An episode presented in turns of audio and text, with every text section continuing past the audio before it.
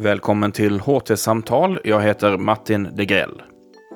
På grund av pandemin så har humanist och teologdagarna i Lund fått eh, ställas in samt hållas digitalt de senaste två åren.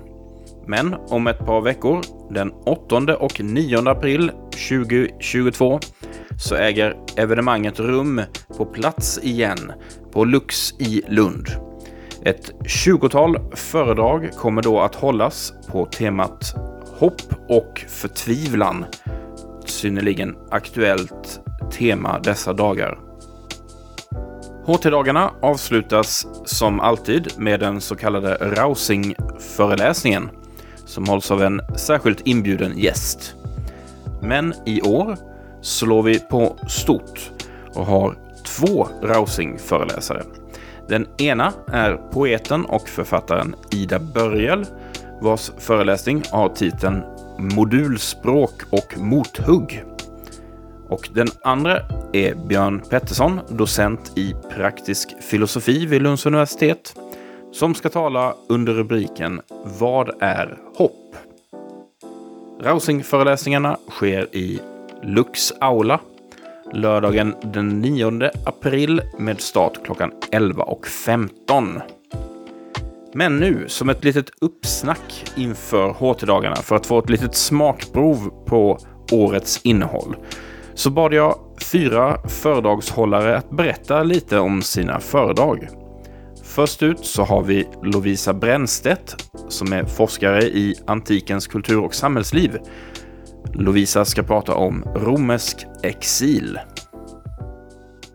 Lovisa, ditt eh, föredrag heter Att hoppas och förtvivla i romersk exil. Eh, kan, kan, du berätta lite grann vad det handlar om?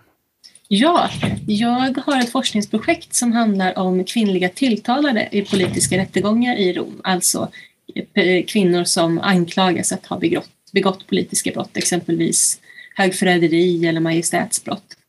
Och för dem så är exil ett ganska vanlig straffpåföljd. Det är det för både kvinnor och män i Rom, framförallt de som tillhör de övre samhällsskikten i Rom. Så genom att studera de här kvinnliga tilltalade så kom jag in på exil eh, som fenomen också. Och när jag såg temat för årets HT-dagar, hopp och förtvivlan, så tänkte jag med en gång att det här passar ju perfekt för att tala om just exil.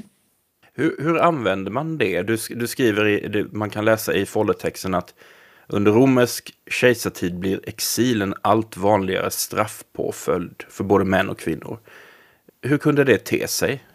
Det är, ska jag börja med att säga, en straffpåföljd som framför allt ges till de som tillhör de övre samhällsskikten i Rom. Rom är ett ganska socialt uppdelat samhälle så att olika straffpåföljder ges till olika grupper i samhället. Så att exil är förbehållet kan man säga de övre samhällsskikten. Men det är också reglerat. Man kan dömas till olika typer av exil. Man kan dömas att man bara ska lämna Rom. Man kanske inte får komma närmare än 10 mil från staden Rom. Man kan dömas till en specifik plats och de platserna kan anses mer eller mindre otrevliga. Det kan vara en plats i Italien som anses förhållandevis okej. Okay. Det kan också vara till en väldigt avlägsen del av det romerska imperiet, en karg ö bort mot Svarta havet till exempel, som ansågs vara den värsta formen av exil. Men förutom att man måste lämna Rom så kan man i vissa fall också dömas att man ska förlora sina tillgångar, sina ekonomiska tillgångar och i vissa fall även sitt romerska medborgarskap. Så på så vis så kan också exil som straff graderas av den domstol som dömer ut det. Var de här ex, den här exilen tidsbegränsad eller var den liksom nu är du borta för all evig framtid? Både och. I vissa fall så är den tidsbegränsad och i andra fall inte. Men exil handlar väldigt mycket om att kejsarmakten vill kunna kontrollera övriga medlemmar i Roms, de övre samhällsskikten. Och då är att skicka bort obekväma personer från Rom ett väldigt effektivt sätt att göra det. Men det innebär också att eh, om en kejsare förlorar makten så kan den personens efterträdare välja att återkalla de som då företrädaren har skickat i exil. Det är ofta ett bra sätt för en ny kejsare att eh, visa sig från sin bästa sida för för inför det romerska folket. Så därför finns det alltid ett hopp om att få lov att återvända. Även om en straff inte är tidsbestämt så väcks hoppet alltid när en ny kejsare kommer till makten. Det här var ju liksom på den gamla tiden, eh, antiken, och eh, jag bara undrar så här, hur, hur kunde man efterleva den här exilen? Var det så byggt på någon sorts eh, hederssystem att när du gick i exil, ja men då, då gjorde du minsann det? Eller hur kunde man så att säga kontrollera att folk faktiskt gick i exil? Det är en mycket bra fråga. Man skulle ju märkt om de var kvar i Rom. Och för en medlem ur, ur de högre samhällsskikten, alltså de politiska aktiva samhällsskikten i Rom, så handlar det väldigt mycket om att synas. Så att det är liksom ingen poäng att sitta gömd i någon källare i Rom och inte delta i det politiska livet. Och det skulle man ju märka. Sen de som är allra hårdast övervakade, det är de som själva tillhör kejsarfamiljen. Det är inte ovanligt att medlemmar i kejsarfamiljen skickas i exil. Och de vet vi är ofta ganska hårt övervakade. Att man också skickar med personer som ska vakta dem och som ska varna Rom ifall de försöker lämna den ö som de är skickade till. Men i andra fall så verkar folk ha kunnat leva ganska fritt eh, i, i det samhälle som man har bosatt sig i. Så det beror också lite på vem, vem personen är som skickas i exil. Jag tänker på den liksom mer moderna, om vi tänker på exil i, idag för till exempel eh, men politiska oppositionspolitiker eller vad det nu kan vara. Att man kan bedriva någon sorts eh, opposition från där man då befinner sig i exil. Fanns det någon motsvarande grej i, under romartiden? Det finns vissa tecken som tyder på det. Det är också svårt, för det är en typ av källmaterial som sällan har tillåts överleva till våra dagar, så det är ganska svårt att spåra. Men som sagt, det finns vissa tecken på att man försöker samla ihop personer runt den, men, men sällan någon liksom regelrätt statskupp eller så kan vi se eh, planeras i exil, utan ofta handlar det om att snarare mobilisera folk runt den som ska lobba för att man själv ska få lov att återvända, att de man fortfarande känner i Rom ska arbeta för en sak det, det, måste, man är ju mer fri än om man sitter i fängelse. Liksom. Man har mer utrymme att röra på sig eller liksom, äh, agera på olika sätt, tänker jag. Absolut, och fängelse är en ganska ovanlig straffpåföljd i Rom. Man har inte den typen av kriminalvård som vi har i Sverige idag till exempel, utan exil är, är ofta istället för att hamna i fängelse. Att sitta i fängelse är ofta någonting man gör i väntan på ett straff, kanske ganska ofta ett, ett dödsstraff till exempel man får ju då eh, känslan av, eh, för de här människorna är det ju eh, är just Rom, att återse Rom, att det är oerhört viktigt. Sån oerhört viktig del av att liksom existera på något sätt. Att det, det, det är där makten finns och det är där allting finns. Så att, att kan du säga något mer om det här, liksom, om vi ska återknyta till temat för HT-dagen med hoppet och förtvivlan. Den här liksom osäkerheten då, kommer jag någonsin att återvända till, till Rom? Hur kan man läsa sig fram till eller forska fram till hur, hur folk resonerade till, kring de här sakerna? Du har helt rätt att vara en politiskt aktiv romare handlar om att vara i staden Rom och att eh, förnekas rätten att vara i Rom är någonting som verkligen påverkar ens identitet, ens självbild. Vi har några fall av romerska manliga politiker Eh, och författare som skickas i exil, Cicero, Seneca och Vidius, och de skildrar alla sin upplevelse av att vara i exil. Det är ju ett fantastiskt källmaterial.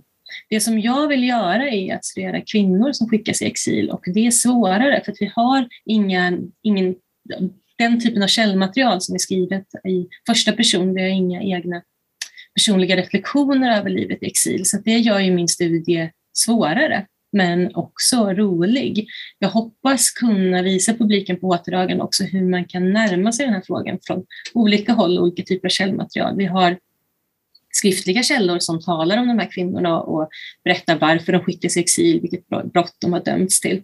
Men om man sen går till platserna där de skickas så kan man dels studera platserna där de bor, Eh, vi har ett par villor bevarade där medlemmar ur kejsarfamiljen skickades, men också spårade med hjälp av inskrifter, kanske en slav eller frigiven som arbetat för den personen som skickas i exil. Det vittnar om att man ändå hade med sig eh, ett litet entourage av människor.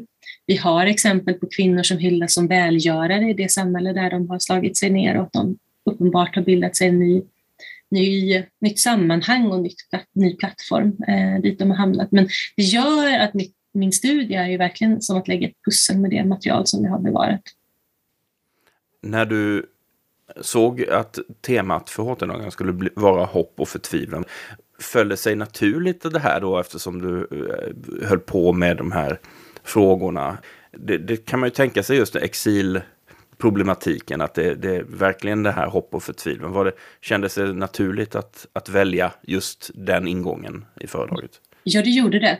Jag tänkte om jag skulle välja någonting annat för att även rättegångar i sig eh, handlar ju mycket om hopp och förtvivlan. Jag studerar också tal som eh, kvinnliga tilltalare håller och hur de agerar i rättegångsrummet för att vinna rätten på sin sida. Så där är hopp och förtvivlan i en väldigt koncentrerad eh, tidsrymd. Men Sen så var det ändå faktiskt givet att välja just exilen för att den är så oerhört centrerad kring just det här förtvivlan att få lämna Rom men också hoppet om att få återvända. Det här föredraget som ju, vi ska säga hålls då fredagen den 8 april klockan 9.15 för de morgonpigga i eh, aulan eh, på Lux. De som kommer då och tittar på det här föredraget, vad, vad hoppas du att de tar med sig av det? Hoppas att de tar med sig några nya insikter. Det jag tycker om med historia, det är just när man kan förmedla en insikt att ja just det, det här dyker upp för första gången just då. Vissa fenomen tar vi på något sätt för givna. Någonting som är helt nytt med den romerska exilen, någonting som händer när kejsar Augustus år två landsförvisar sin egen dotter Julia, det är att man för första gången skickar någon till en ö. Vi kanske tänker idag att öar är helt givna att skicka människor till i exil. Vi kanske tänker på Robben Island, Alcatraz, vi kanske tänker på Napoleons exil på Elba och Sankta Helena. Men det här är någonting som man inför i Rom. Det är under den romerska antiken som öar blir eh, destinationer för personer som skickas i exil. Och dessutom öar som vi idag kanske har helt andra konnotationer kring. Öar i Neapelbukten eller Rhodos, Kos, Samos var platser för exil och för förtvivlan under den romerska antiken. Uh, numera så söker vi upp dem. Liksom. Precis. Ja, vad roligt. Tack så mycket Lovisa för att uh, du delade med dig lite av ditt föredrag här. Och uh, så ser vi fram emot att få se och höra resten den 8 april. Ja, tack så jättemycket. Lovisas föredrag kan alltså ses fredagen den 8 april klockan 9.15 i aulan på Lux. Härnäst har vi Ulf Sander, professor i historia, som ska prata om ett av många livsöden i skuggan av Förintelsen.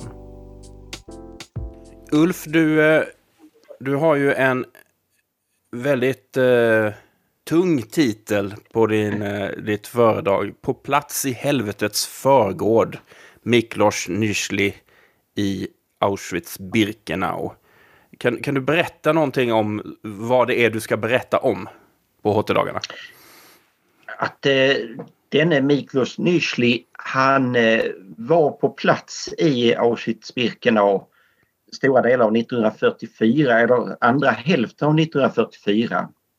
Och han var ungersk jude men eh, klarade sig undan att bli förintad för att han eh, var utbildad läkare. Och då finns det en chef, tysk chefsläkare som eh, inser att den här mannen har kompetens och han får arbeta tillsammans med denne Josef Mengele som ju har gått till historien som en av de värsta förövarna man kan tänka sig.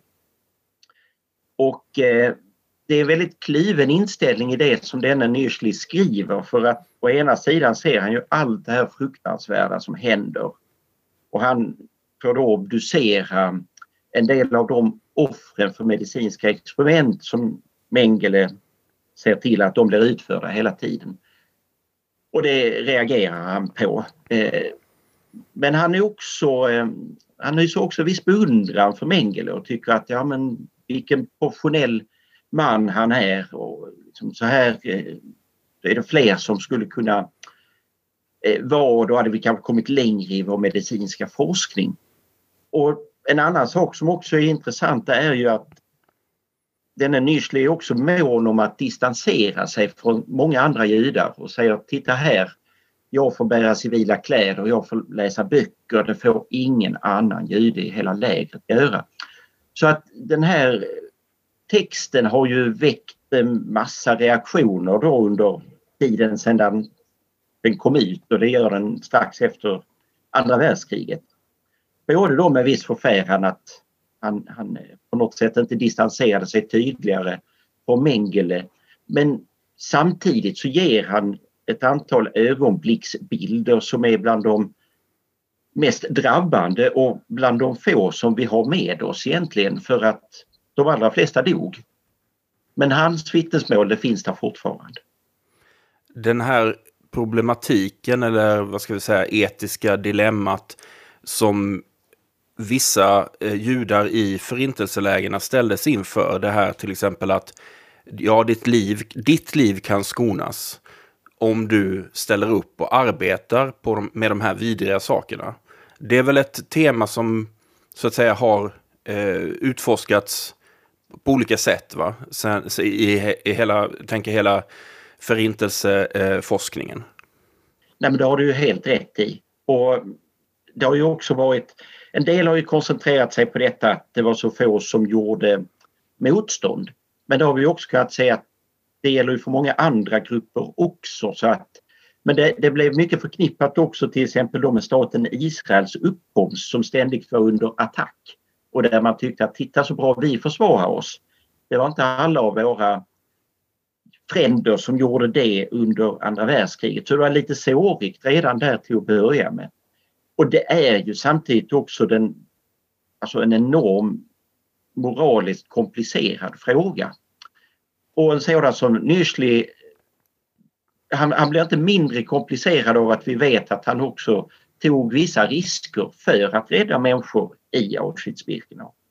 Så att det är inte så att han bara är medlöpare heller. Och det gör ju att, ja men vem är vi att döma någon som agerar på det här sättet? För att också att han överlever gör ju att han kan eh, köpa fri sin fru och dotter. Så alla tre överlever Auschwitz-Birkenau, vilket ju då är extremt ovanligt. Och mänskligt sett så är det ju då, det, det kan man hysa förståelse för.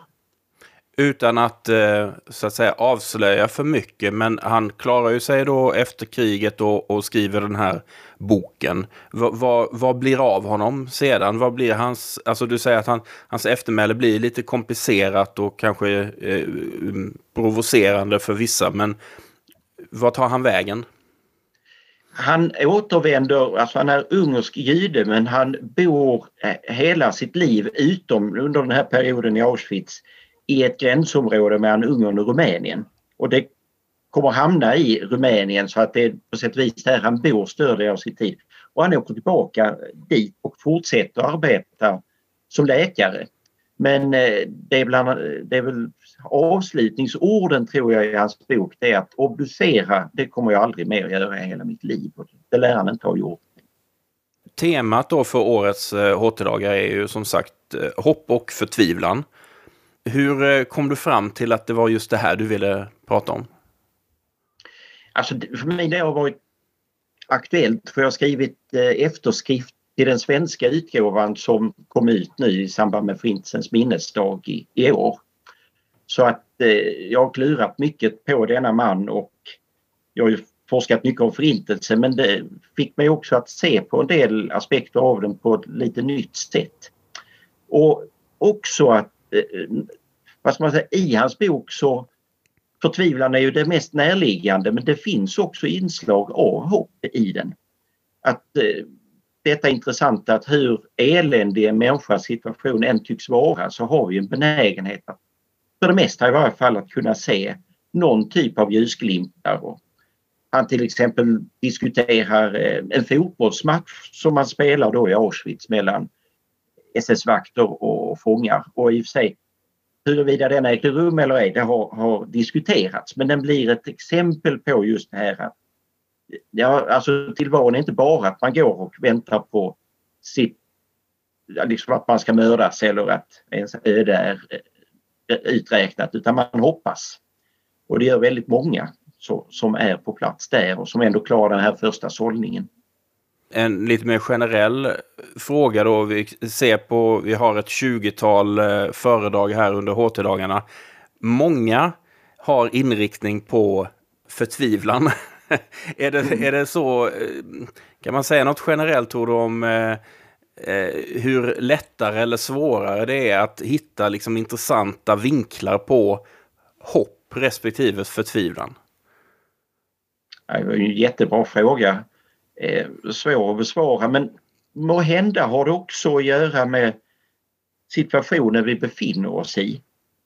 Där det finns en, vad ska man säga, en ganska allmän eh, insikt om till exempel att mycket av det som vi har hållit ganska högt är på reträtt. Att vi, vi lever i en värld där demokrati inte är givet längre. Snarare så, så går den typen av samhällssystem tillbaka och vi har förhoppningar liksom ändå men de är svåra att tillfredsställa. Och må hända är det samtidigt om man kombinerar det att vad ska man säga, hoppet är kanske inte alltid det mest spännande att ägna sig åt om man nu forskar. För om alla är nöjda och glada så ja, vad, vad ska jag tillföra? Det, det, är inte där som vad ska man säga, det intressanta blir i människans predikament utan det är ofta när, när vi blir utmanade och ställs inför svåra situationer. Det tror jag är de två faktorerna tror jag kan samverka i ett sånt här sammanhang som humanistdagarna. Och när då eh, de här besökarna eh, strömmar in för att, titta på ditt eh, föredrag då som är då på fredagen den eh, 8 april klockan 13.15 i aulan. Eh, vad hoppas du att de tar med sig av, av, av det här eh, föredraget? Ja, men jag hoppas att de får kanske en mer nyanserad bild eftersom vi ganska ofta när vi närmar oss inte minst förintelsen men också andra folkmord så benägenhet att se det väldigt svartvitt. Att det finns gott och det finns ont och vi har lärt oss på något sätt en läxa och den kan ibland bli ganska eh, förenklad. Och jag hoppas att genom att visa på det här exemplet och de olika nyanserna som finns i hans berättelse att det här är inte så enkelt och det kommer inte handla om att man ska tycka bättre om Josef Mengele när man går ut ur lokalen men att man ändå förstår lite grann med det som är nästan det allra svåraste att förstå. Hur det kunde vara i en tillvaro så som den som i Auschwitz-Birkenau sommaren och hösten 1944 för det, det måste vara så nära helvetet man kan komma. Med dessa ord så eh, tackar vi så mycket Ulf. Tack så du ha Martin. Ulfs föredrag sker alltså fredagen den 8 april klockan 13.15 i Lux aula. Barbara Törnqvist Pleva är slavist och professor i Europastudier. Hennes föredrag kommer att handla om situationen i Belarus. Men jag misstänker att det efter den senaste tidens händelser även kommer att handla lite grann om Ukraina. Och eh, jag vill påpeka att det här samtalet med Barbara spelades in någon vecka innan Rysslands invasion av Ukraina. Barbara, ditt, eh, din titeln på ditt föredrag är då Folkresningen i Belarus 2020 och dess följder mellan hopp och förtvivlan. Kan du, det säger ju lite grann om vad, vad, vad det kommer att handla om, men kan du, kan du utveckla lite vad det kommer att gå ut på? Ja, alltså jag tänkte först eh, börja eh, föredraget med att ge lite bakgrund till åhörarna därför att trots att Belarus ligger så nära eh, Sverige så vet man fortfarande väldigt lite om landet. Så säkert många ställer sig frågan eh, hur kommer det sig att eh, Eh, Belarus har så eh, annorlunda politiskt system jämfört med sina närmaste grannar som Baltikum, Polen, Ukraina också. Eh, att de här grannländerna efter Sovjetunionens fall gick eh, Eh, till, till, möttes till ett annat öde så att säga. De har dels satsat mycket mer på eh, att utveckla marknadsekonomi och också demokrati lyckats bättre eller sämre men i alla fall eh, anslagit på denna väg medan i Belarus sedan 95 eh, har vi en diktatur och det är en och samma man som sitter vid makten. Så min tanke är att eh, diskutera till att börja med varför så annorlunda eh, utveckling där? Hur har han kunnat behålla makten i så många år? Eh, och då går jag in på olika eh, både historiska, ekonomiska och politiska orsaker. Och sen eh, tänkte jag eh, försöka besvara frågan Eh, varför just de här protesterna kommer nu, eller kom nu eh, 2020 eh, och eh, diskutera lite orsaker till det som hände. Och sedan hoppas jag att åtminstone halva eller en tredjedel av föreläsningen kommer att fokusera på förloppet på den här processen, vilka som stod främst på barrikaderna, eh, vilken respons de fick i samhället och reaktioner från regimen, inte minst mycket brutala eh, reaktioner. Och hela den här eh, brutaliteten som yttrade sig inte bara i fysisk eh, brutalitet men också i sådana aktioner som kidnappningen av oppositionella på ett flygplan eh, som gick mellan två Eh, e EU-länder och där man har lyckats tvinga eh, flygplanet ner för att arrestera eh, en känd oppositionell. Så att jag, ska, jag vill beskriva vilka förhoppningar och vilka grupper satte för det 2020, sommaren 2020 och vad som hände sen. Eh, och också fundera på lite på framtidsscenario. Vad kan hända eh, i fortsättningen? Finns det hopp kvar och hos vem? Utan att avslöja för mycket, men eh, hur, eh, det här var ju då 2020. Eh, hur, hur mår landet idag? Är det liksom, blev, det några, blev det några förändringar av det där? Eller? Ja, alltså, tyvärr just nu så kom man, som man flyttade sig från hopp just i förtvivlan. Eh, och det många av eh, ledande oppositionella har lämnat landet och befinner sig nu i exil i både, främst i Litauen och Polen. Men en hel del faktiskt eh, också kom till skandinaviska länder av den, den här, det här ledarskapet. Eh, och samtidigt det som händer nu mm, med eh, mobilisering av ryska trupper på gränsen mellan Eh, Vitryssland och Ukraina är faktiskt också tänkt att skicka signaler till också vitryska eh, befolkningen Eh, att eh, det är Ryssland som bestämmer i regionen. Eh, och om det kommer att ske eh, en förändring måste det ske enligt Kreml, enligt deras tycke så att säga. Kan man förresten reda ut det här med Belarus kontra, kontra Vitryssland? Det känns som att åtminstone här i Sverige har det gått ganska snabbt i media.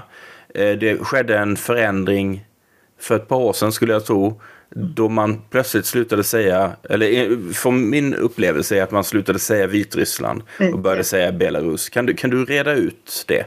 Jag, jag kan även säga att riktigt eh, förändring har jag eh, observerat faktiskt sedan 2020.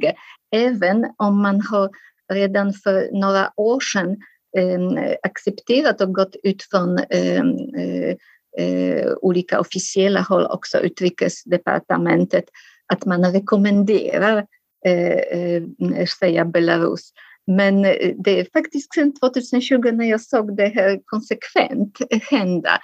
Eh, och det hänger just ihop att ehm, det är just eh, de engagerade, eh, politiskt engagerade, nationellt orienterade eh, belarusiska eh, eh eliter som har tryckt på detta, att man ska komma ifrån eh, ordet Vitryssland som gör direkt association till, att, till Ryssland eh, och på något sätt eh, enligt eh, deras argumentation eh, Eh, också riskerar att man beblandar, blandar det ena landet med, med det andra och också eh, gör stark association mellan dem medan eh, Belarus eh, eh ja, är ingen självklar sån association. Men Belarus är egentligen det så landet heter på belarusiska. Det, det är det ordet. Det är, inte, det är ingen översättning utan är direkt deras ord Belarus, Belarus. Eh, så, så det, eh, man vill komma till det här originella för att betona landets eh, liksom, eller aspirationer till suveränitet. Och jag skulle jämföra det lite grann som att postkoloniala länder har också tryckt på att byta sitt namn som Burma gick till Myanmar eller städer som Peking vill helst kalla sig för Beijing för att betona liksom det här eh, stadiet att vi är bortom kontroll av våra gamla eh, kolonier, länder som, som var eh, vår övermakt. Så det var det som drevs ganska lång tid faktiskt av, av belarusiska nationella eliter. Och jag minns att det var för fyra, fem år sedan eh, tillfrågades jag om detta eh, från eh, utrikesdepartementets sida som någon sorts expert, vad jag tycker att man borde, borde gå över. Och i, i mitt utlåtande så tyckte jag att man, man får acceptera deras önskan och kalla det Belarus. Dock vill jag säga att jag själv träffar mig själv ofta att jag fortsatt, fortsatt har tendens ibland att säga Vitryssland. För, för liksom, vanans makt är stor. Precis. Det händer ju mycket turbulenta saker i Europa och Europas närområde just nu. Och även så att säga i EUs stater så på sina håll så är det väldigt turbulent med eh, just om vi, som du var inne på tidigare, just med, med statsskick och sådana här saker och auktoritära styren och så vidare och tendenser. Varför valde du nu eh, en, en sån här tid där det, är, det finns så mycket om så många länder att säga. Hur, hur kommer det sig att det blev just Belarus i, på det här föredraget? Eh, uh, ja, först och främst att uh, det är fortfarande alldeles uh, för okänt land Eh, och jag tror att eh, liksom till exempel Ukraina genom sin eh, storlek och sina resurser och också väldigt stor diaspora ute i världen uppmärksammat på helt annat sätt. Däremot just Belarus har alltid hamnat i skuggan av liksom mediebevakning. Och jag tror att det, det var det enbart då 2021 som det var mer eh, på, eh, i media och jag skulle vilja lite grann eh, upprätthålla det här intresset. Och dessutom så tror jag att just därför att eh, det sattes så mycket hopp hos eh, aktivisterna där som har krossats så tror jag att de behöver Eh, Eh, veta att man har inte glömt bort dem, att, att den tiden kommer de, de kan ändå räkna med, med stödet. Och som sagt, det här som kommer att ske i Ukraina kommer vara naturligtvis också eh, väldigt avgörande hur mycket hopp det blir kvar. Det här föredraget då som hålls i Lux Aula på eh, fredagen den 8 april klockan 10.45. Eh, vad hoppas du att eh, publiken så att säga tar med sig från det här föredraget? Ja, just det här att eh, det är viktigt att inte glömma detta land eh, och att eh, när tiden kommer vara beredd att stödja deras demokratiska aspirationer.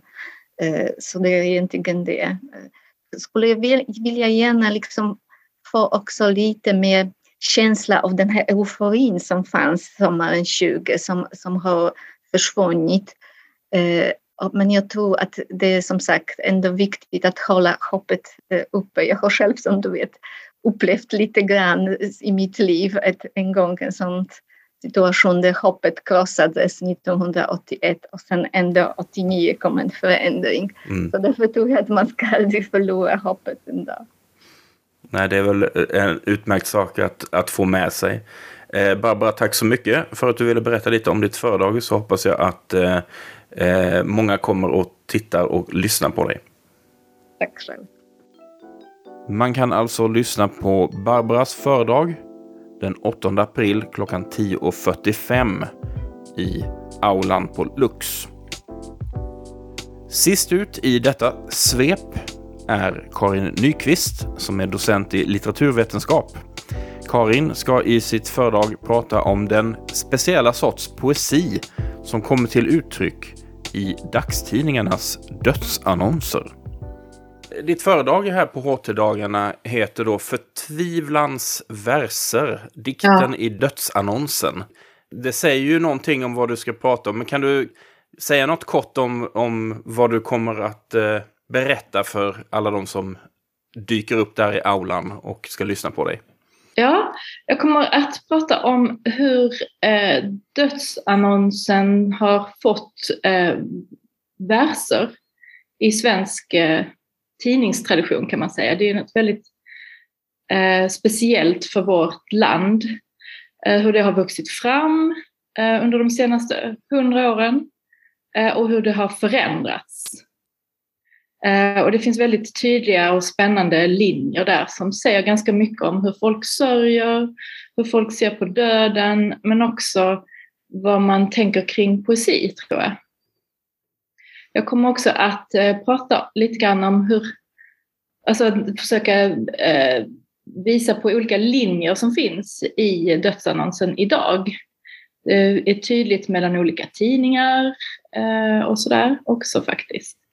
Att det finns olika ideal, olika traditioner.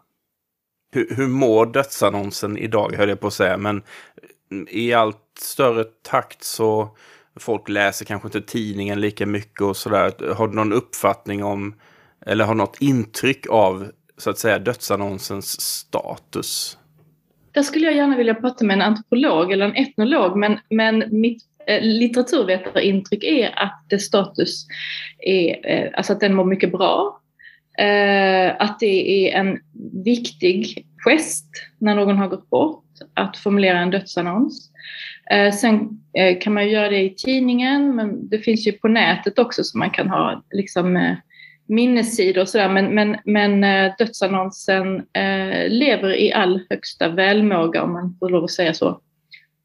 Hur eh, har, har liksom dödsannonsversen blivit mer eller mindre populär eh, med åren? Ja, man skulle kunna tänka sig att den har blivit mindre populär, men den har absolut blivit mer populär. Och från början så fanns det inga verser eh, och sen så kanske det handlade om något litet, eh, någon liten kristen vers eller något bibelord. Och nu har, eh, är det inga problem att ha ganska långa dikter i dödsannonsen. Någonting som man inte ser för några decennier sedan. Mitt väldigt subjektiva intryck.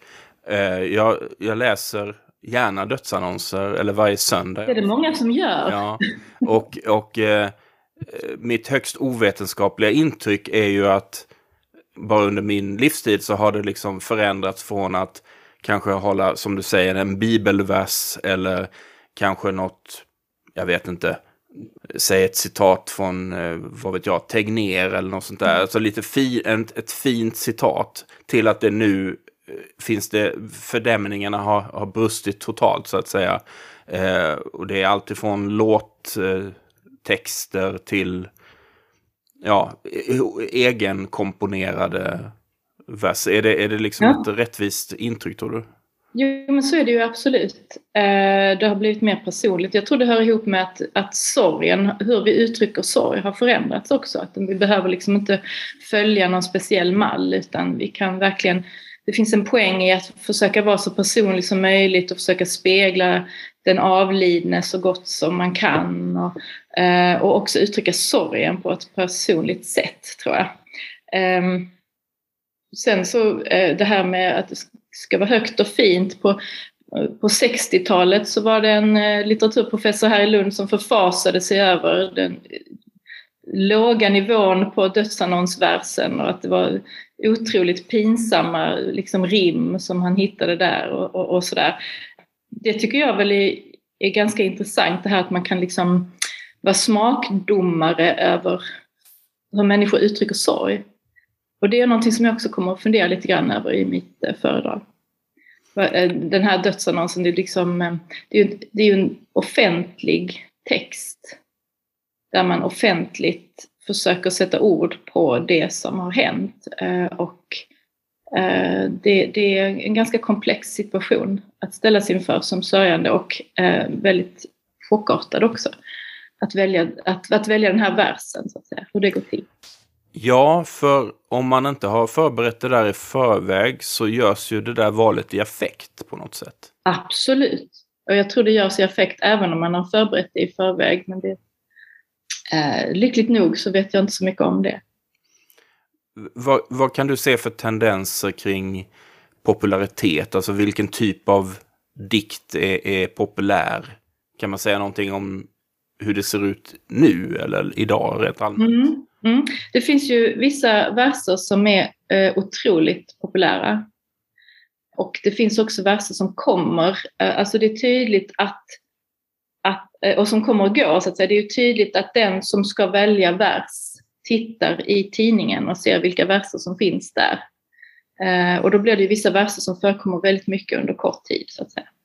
Eh, men det finns ju eh, till exempel eh, Jacques Werup, eh, jag har varit med om det, jag kan aldrig förlora dig, det är ju den vanligaste nästan. Och sen då Alf Henrikssons, eh, den här eh, tiden som stannar upp och all, ingenting blir detsamma igen det, det, är väl eh, de vanligaste idag. Annars är det Per Lagerkvist som är absolut populärast.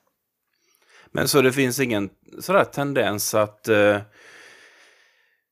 vara, försöka vara mer unik? Alltså det, det, det, tycker jag är så intressant det här med att just i dödsannonser att man, man tar något populärt. Men det ja. finns ingen sån här eh, känsla av att eh, men här vill vi, nu vill vi använda något som ingen annan har använt. Jo, men det här är ju två linjer som finns parallellt, tänker jag. Dels den här, den här är jättefin, den här vill jag ha, den här har jag alltid tänkt eller så. Och, och ofta är det ju så att, det, att man hittar samma vers flera gånger på samma uppslag. Eh, men sen parallellt med det så, så eh, är det ju tydligt att, att många vill ha en vers som ingen annan har haft. Och då kan man ju skriva en egen vers. Det är det ju många som gör idag. Eller eh, faktiskt också att den som har gått bort har själv skrivit sin dödsannonsvers. Det förekommer ju också som en sista hälsning. Eh, så, så, det är ju två helt olika linjer.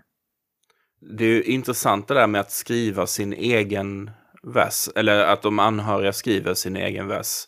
Det kanske säger någonting om ehm, det säger intressanta saker tror jag om själva dödsannonsens status. Att man å ena sidan kan man ha då ett väldigt Eh, ett, ett fint citat från någon eh, romersk poet eller något sånt där kanske. Men sen kan man också ha knoppat ihop det själv. Absolut. Hur kommer det sig att du har eh, eh valt detta ämne till, eh, till HT-dagarna som ju vars tema är ju hopp och förtvivlan? Ja. Eh, är det här någonting som du har liksom pysslat med tidigare? Jag har funderat över eh, lyriken i dödsannonsen ganska länge. Det tror jag det är många som har. Eh, sådär.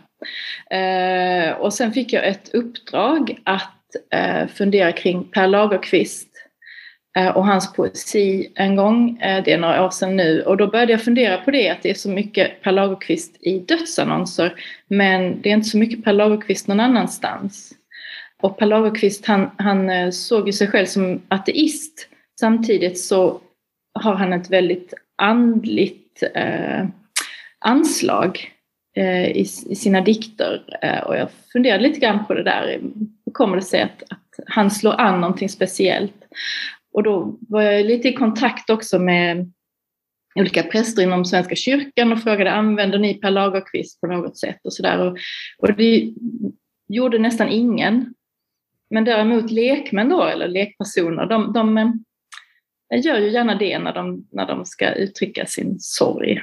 Och från det intresset då så för Per Lagerkvist i dödsannonsen så då, då eh, har jag tittat på dödsannonslyrik eh, mer brett i flera olika tidningar. Och, och ehm, det är ju ett, eh, ja, det är ett jättespännande ämne tycker jag eftersom poesi anses lite allmänt vara ganska smalt och inte intressant för så många.